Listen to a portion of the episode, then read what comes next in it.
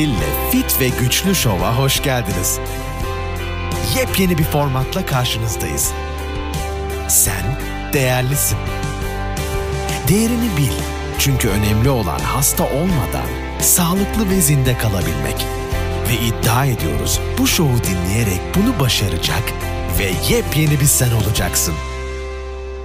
Fit ve Güçlü Show'a hoş geldiniz. Ben Karen Hill. Yeni bir hafta, yeni bir bölüm diyeceğim. Fakat bu bölüm biraz değişik. Bu bölüm çok üzücü. Ee, eğer ki e, cümlelerimde, e, konuşmalarımda bir aksaklık olursa öncelikle özür dilemek istiyorum. Çünkü nereden başlayacağımı, ne söyleyeceğimi, nasıl söyleyeceğimi, nasıl nazikçe bunu anlatacağımı gerçekten ve gerçekten bilmiyorum. Ya bırakacağım ne olursa olsun diyeceğim ve bana belki kızacaksınız, belki hoşunuza gitmeyecek ya da çok nazikçe anlatmaya çalışacağım. Onda nasıl yapacağımı bilmiyorum. Çünkü beni biliyorsunuz. Dümdüz bir insanım. E, aklıma geleni, daha doğrusu kalbimde olanı e, ve doğru bulduğumu veya doğru bildiğimi benim mesleğimde dümdüz söylerim. Neden dümdüz söylerim? Çünkü etrafta e, numaracı çok, politikacı çok, yalancı çok ve doğru konuşana ihtiyacımız var diye düşünüyorum. Çünkü doğrular karşındakini kurtarma imkanı var. O bakımdan öncelikle öncelikle çok üzgün olduğumu belirtmek istiyorum. Türkiye için, Türk insanları için çok üzgün olduğumu belirtmek istiyorum. Ee, ve bu üzüntü çok uzun sürecek. Ben biraz olaylara değişik bakan bir insanım. 30 senedir hastalıklarla, kötü haberlerle, e, e, üzüntülerle uğraştığım için mesleğimde belki bir tık desem, belki değil, bir tık kesinlikle duyarsız olmuşumdur bazı konulara. Duyarsız olmak duygusuz olmak demek değildir. Fakat bazen sizin baktığınız gibi bakmıyorum bazı şeylere. Ve ben Türkiye'ye bakıyorum. Depreme bakıyorum. Bilgiye bakıyorum. E, profesörlerin konuştuklarına bakıyorum. Kendi araştırmalarına bakıyorum. Ve bu böyle olmamalıydı diyorum. Ve hala çok üzgünüm diyorum. Ve başlamak istiyorum. Şimdi öncelikle e, Profesör Doktor Naci Görür e, televizyonda ona denk geldim. Fox TV'yi seyrediyordum. Ee, ve ona denk geldim. Tabii ki sorular soruluyor, cevaplar alınıyor. Bir şey söyledi. Ve herhalde ben ölene kadar bu söylediklerini unutmayacağım ve kendi mesleğimde de bu söylediklerini kullanacağım. Şöyle bir şey dedi. Türkiye dedi bir afet ülkesi dedi, deprem ülkesi dedi bu gerçeği değiştiremeyiz dedi. Bu böyle dedi. Milyonlarca sene bu böyle dedi ve bu böyle gidecek dedi. Biz bu gerçeği ve doğayı değiştiremediğimiz için bizim yapmamız tek yapılacak. Bizim yapmamız tek yap Bakın konuşamıyorum gördünüz mü? Bizim yapmamız gereken tek şey kendimizi değiştirmek. Buna göre yaşamımızı değiştirmek ki biz bu kadar hasar görmeyelim. Gerçekten çok çok çok doğru. Benim mesleğimde de doğru, sağlıkta da doğru.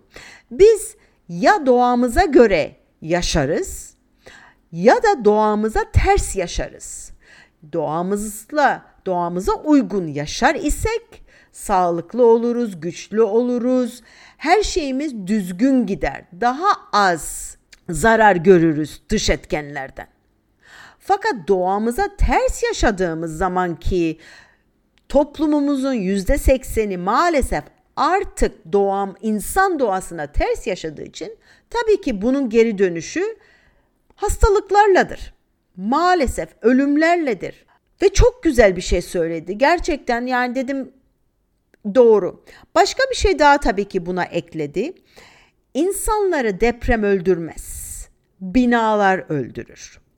Şimdi o kadar çok hazırlıksız yakalandık ki ve hiçbir zaman laf dinlemedik ki ve maalesef ve maalesef bunun sonucunu güzel insanlar, suçsuz insanlar, çocuklar, kadınlar, yaşlılar, gençler yaşıyor. Kim dinlemiyor? Yönetim dinlemiyor ve uygulamıyor. Ve ben okudum yalnızca e, Profesör Doktor Naci Görür değil. Kimler? Kimler? Kimler araştırmalar yapmışlar, sunmuşlar, belediyeler e, hükümete ulaşmaya uğraşmış, buraları düzeltmemiz lazım, biz böyle bir bölgede yaşıyoruz vesaire vesaire vesaire. Bunları ben araştırırken tabii ki biz de deprem e, bölgesinde yaşıyoruz. E, Nevada ve Kaliforniya olarak biz de deprem bölgesinde yaşıyoruz ve bizim evlerimiz ona göre yapılmıştır. Ahşaptır. Ee, ondan başka perde duvar vardır. Perde duvarı e, ne olduğunu hemen okuyayım yazdım çünkü yani çünkü ben bunları biliyorsunuz benim mesleğim değil bunlar. Ben bunları araştırırken öğrendim. Perde duvar Dedim ki acaba Türkiye'de hani biliniyor mu, bilinmiyor mu? Ne, tabii ki biliniyor. ben ben bilmiyorum. Yapıya etkiyen et, yapıya etkiyen deprem, rüzgar gibi yükleri karşılayan döşeme, kiriş ve binanın ağırlığından dolayı meydana gelen yükleri zemine aktaran yapı elemanına perde duvar denir. Üzerine fazla yük binen ve kullanılacak taşıyıcı elemanın çok kalın olması istenmeyen noktalarda perde duvar kullanılır ki bizim evlerde perde duvar vardır ve ahşaptır kontrplaktan yapılmıştır bizim evlerimiz ki ona göre sallandığı zaman hasar görmesin ve çökmesin diye. Normal şartlarda depreme eğilimli bir bölgedeki bütün Türkiye aşağı yukarı depreme eğilimli bir bölge. Bazı yerler değil ama belli bucak yerler o, şekilde. Depreme eğilimli bölgede tuğla ve betonun yapı malzemesi olarak kullanılması çok akıllıca değildir demişler. Tuğla ve beton duvarlar çok güçlü değildir ve bir deprem sırasında yanal kuvvetler nedeniyle çökecektir. Okey. Şimdi bu yalnızca bu kısmı. Bu kısımda hükümet sınıfta kaldı. Sınıfta kalır tabii ki. Niye sınıfta kalır? Çünkü eğitimsiz kişileri biz seçtik. Eğitimsiz kişileri seçerseniz sonucunuz budur. Ne zannettiniz? Ne zannettiniz ve ne zannettiniz? Ondan sonra başka şeyler. Şimdi deprem oldu çok kötü durum.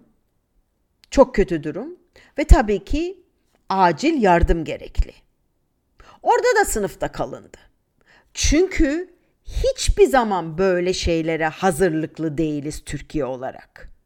Biz bunları yangınlarda da gördük. Depremlerde de gördük daha evvelden. Ya bırakın bir çok zorlu bir yağmur yağdığında şehirlerin altyapısında da gördük. Yani bir afet olmasına gerek yok. Hazırlıksız, plansız ve bilgisiziz. Topluma konuşmuyorum. Plansız, hazırlıklısız ve bilgisiziz. Ve bu yardımlar tabii ki planlama olmadığı için insanlara çabuk ve profesyonel şekilde yardım ulaşmadı. Ondan sonra ben başka bir şey araştırmaya girdim. Ya dedim ki bizim bir silahlı kuvvetlerimiz var. Çok süper olmaları gerekiyor bizim benim bildiğim kadarıyla. Yani kuvvetli, yüklü, bir çok da para yağdırılan bir silahlı kuvvetlerimiz var. Ya dedim bunların belli helikopterleri yok mu? Çünkü belli başlı helikopterler var silahlı kuvvetlerinde dünyada. Amerika'dan bak e, bahsederim. Ve baktım. Chinook helikopterleri var. Hiç duymadınızsa şimdi duyun. Chinook helikopterleri var. Dedim ki acaba bu Chinook helikopterleri Türkiye'de var mı? Var mı ellerinde? 2019'da 4 tane ve daha evvelden de bir tane toplam 5 tane Chinook helikopterleri var.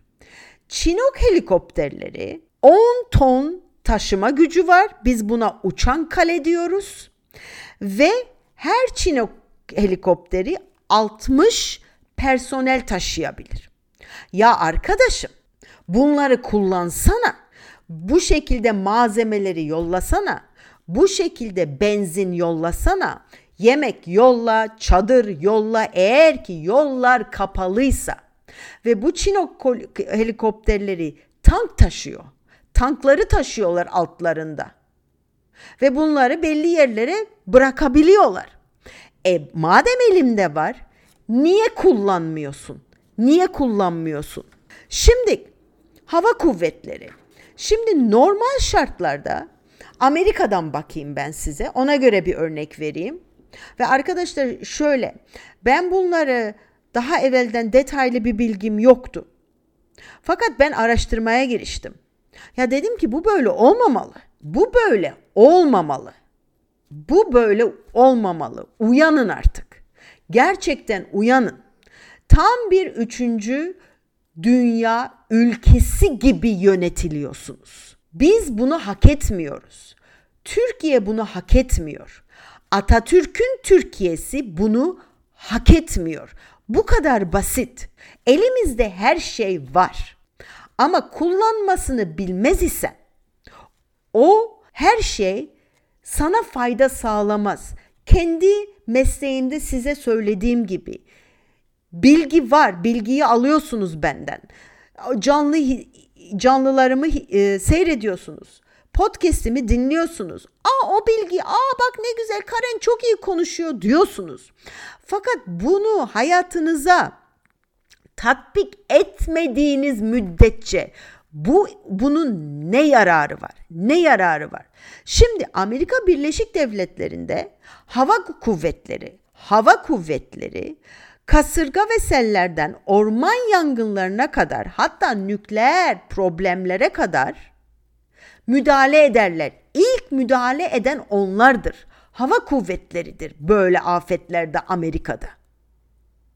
Hava okuyorum size çünkü bunu yazdım. Hava kuvvetleri rezervi ve ulusal hava muhafızları ayrıca tüm hava kuvvetleri havadan tıbbi tahliye görevlerinin tıbbi tahliye yüzde doksanını gerçekleştirirler Amerika'da.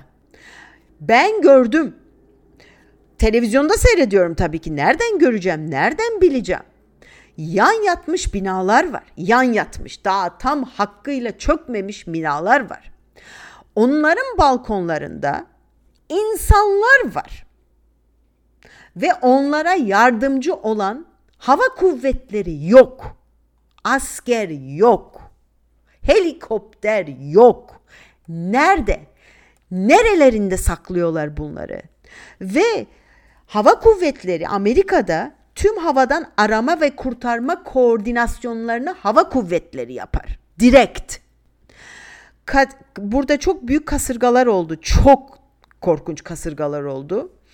Katrina kasırgasından sonra 8 binden fazla insanı kurtaran hava kuvvetleri helikopterleriydi. Ve Sandy kasırgasındaki elektrik kesilmişti. Havadan elektrik, elektrik dağıtımı yapan kamyonları havadan bıraktılar yere. Çünkü ulaşamıyorlardı. Her taraf su, her taraf sel. Ulaşılacak yol yok.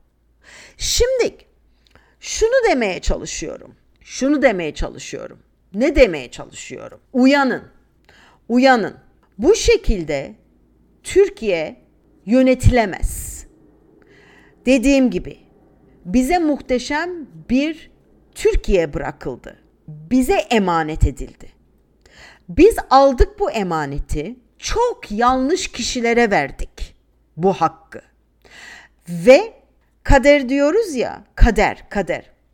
Bakın Allah bize bir yol göster bize bizim bir kaderimiz. Hepimiz öleceğiz. Bir kader var.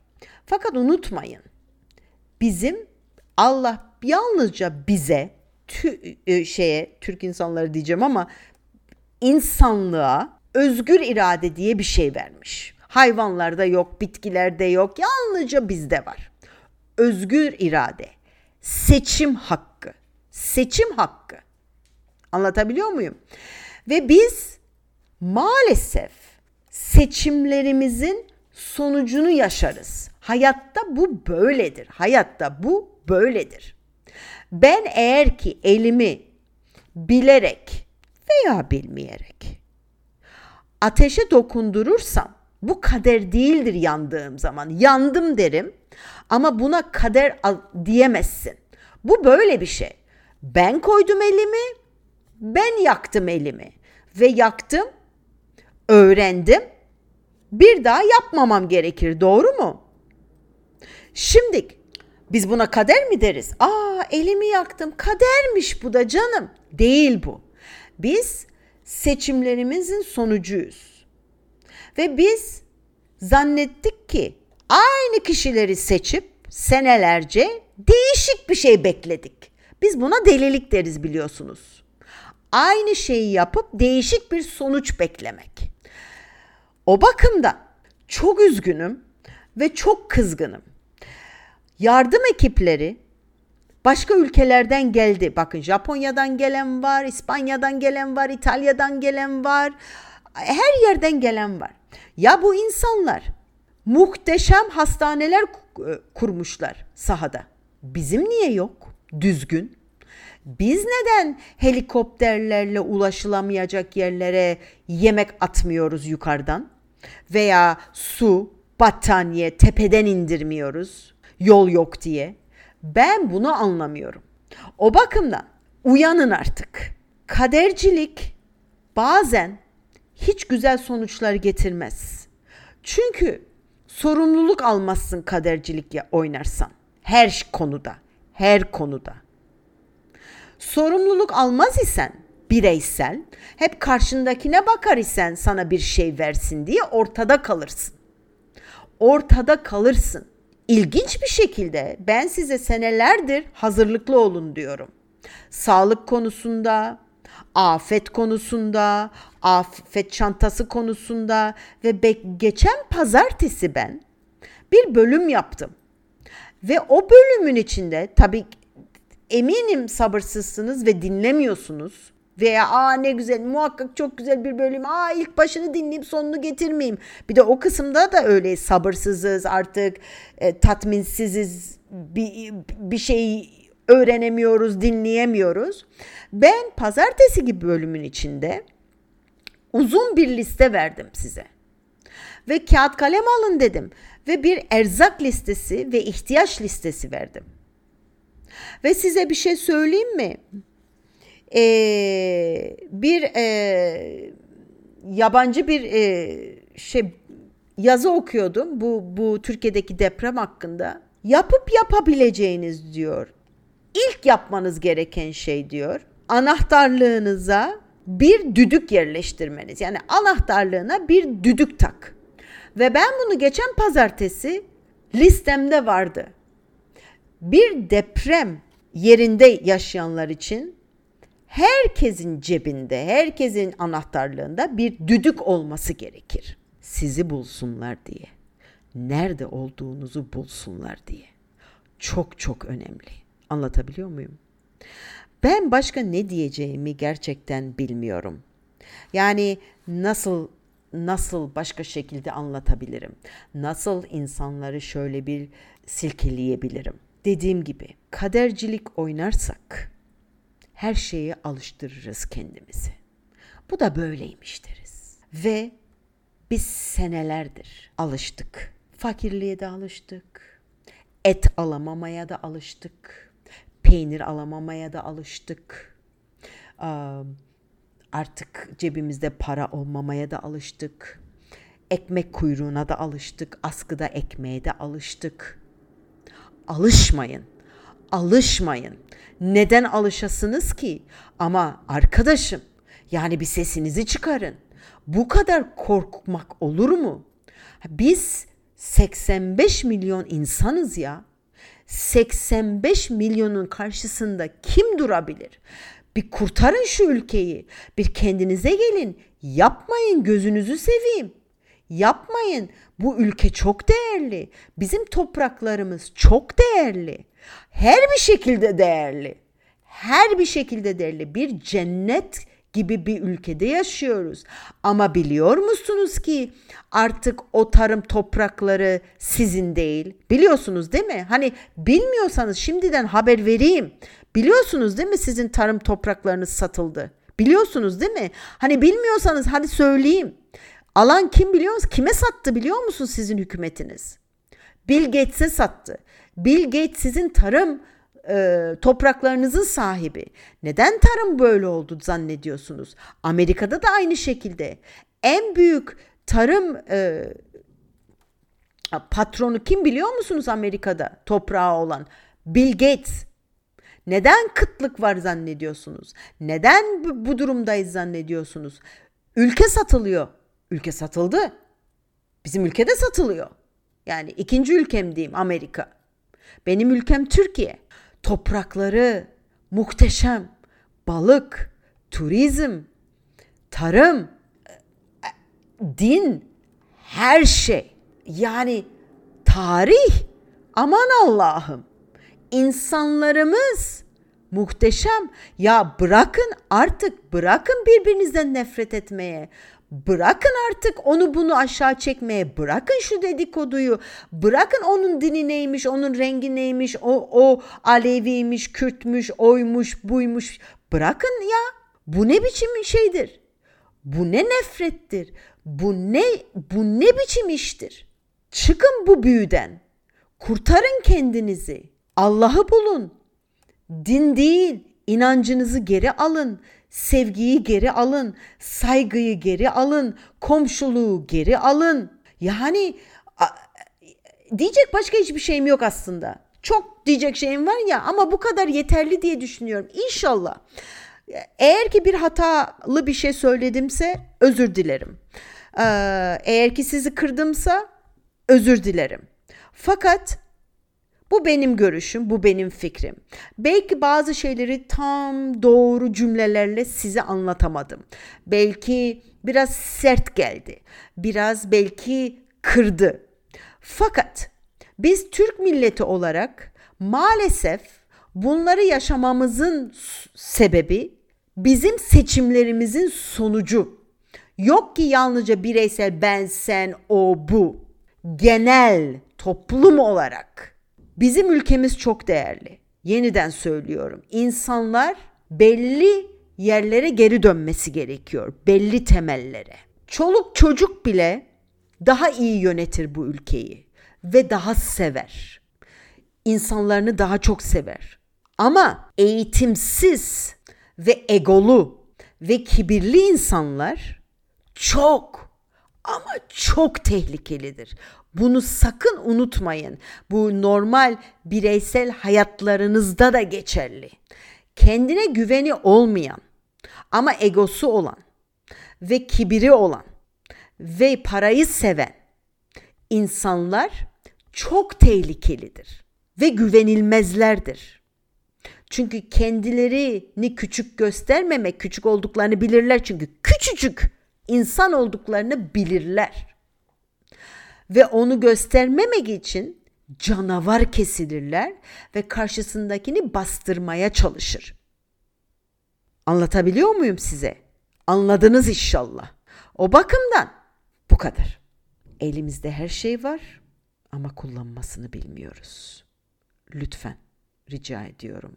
Bireysel de kendinize dikkat edin. Evinize çeki düzen verin. Her bir şekilde hazırlanın, hazırlıklı olun. Bir afet çantasıdır, bir erzak. Demeyin ki, aa yok ya ama bana da olmaz. Tony bana ne demiştir biliyor musun? Tony tabii ki polis, eski polis, emekli polis ve başkomiser de hapishanede. Ve ben de işte camı açık tutan, e, perdeleri açık tutan, oh böyle ferahlığı seven bir insanım. Ve e, işte akşamları hemen alarm konulur, kilitlenir, perdeler kapanır falan. Ben de derim ki aman ne lüzumu var, ne lüzumu var. Karen der. Çok yanılıyorsun der. Senin gibi insanların başına gelir der. Senin gibi insanlar öldürülür veya e, hırsız girer. Çünkü bana olmaz diyenlere gelir der. Hapishane bunlarla dolu der. Ve doğru biz diyoruz ki yok ya bana olmaz. Bu olabilir ki kanser, bu olabilir ki başka bir şey, bu olabilir ki afet, afet, bu olabilir ki ev yangını, bu olabilir ki her şey. Bana bir şey olmaz demeyin.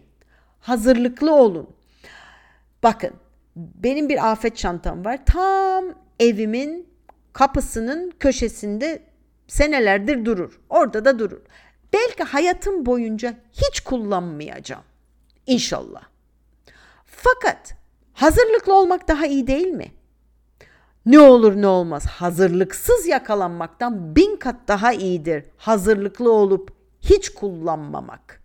O bakımdan sağlık da böyle bir şey. Hep hazırlıklı olmak lazım.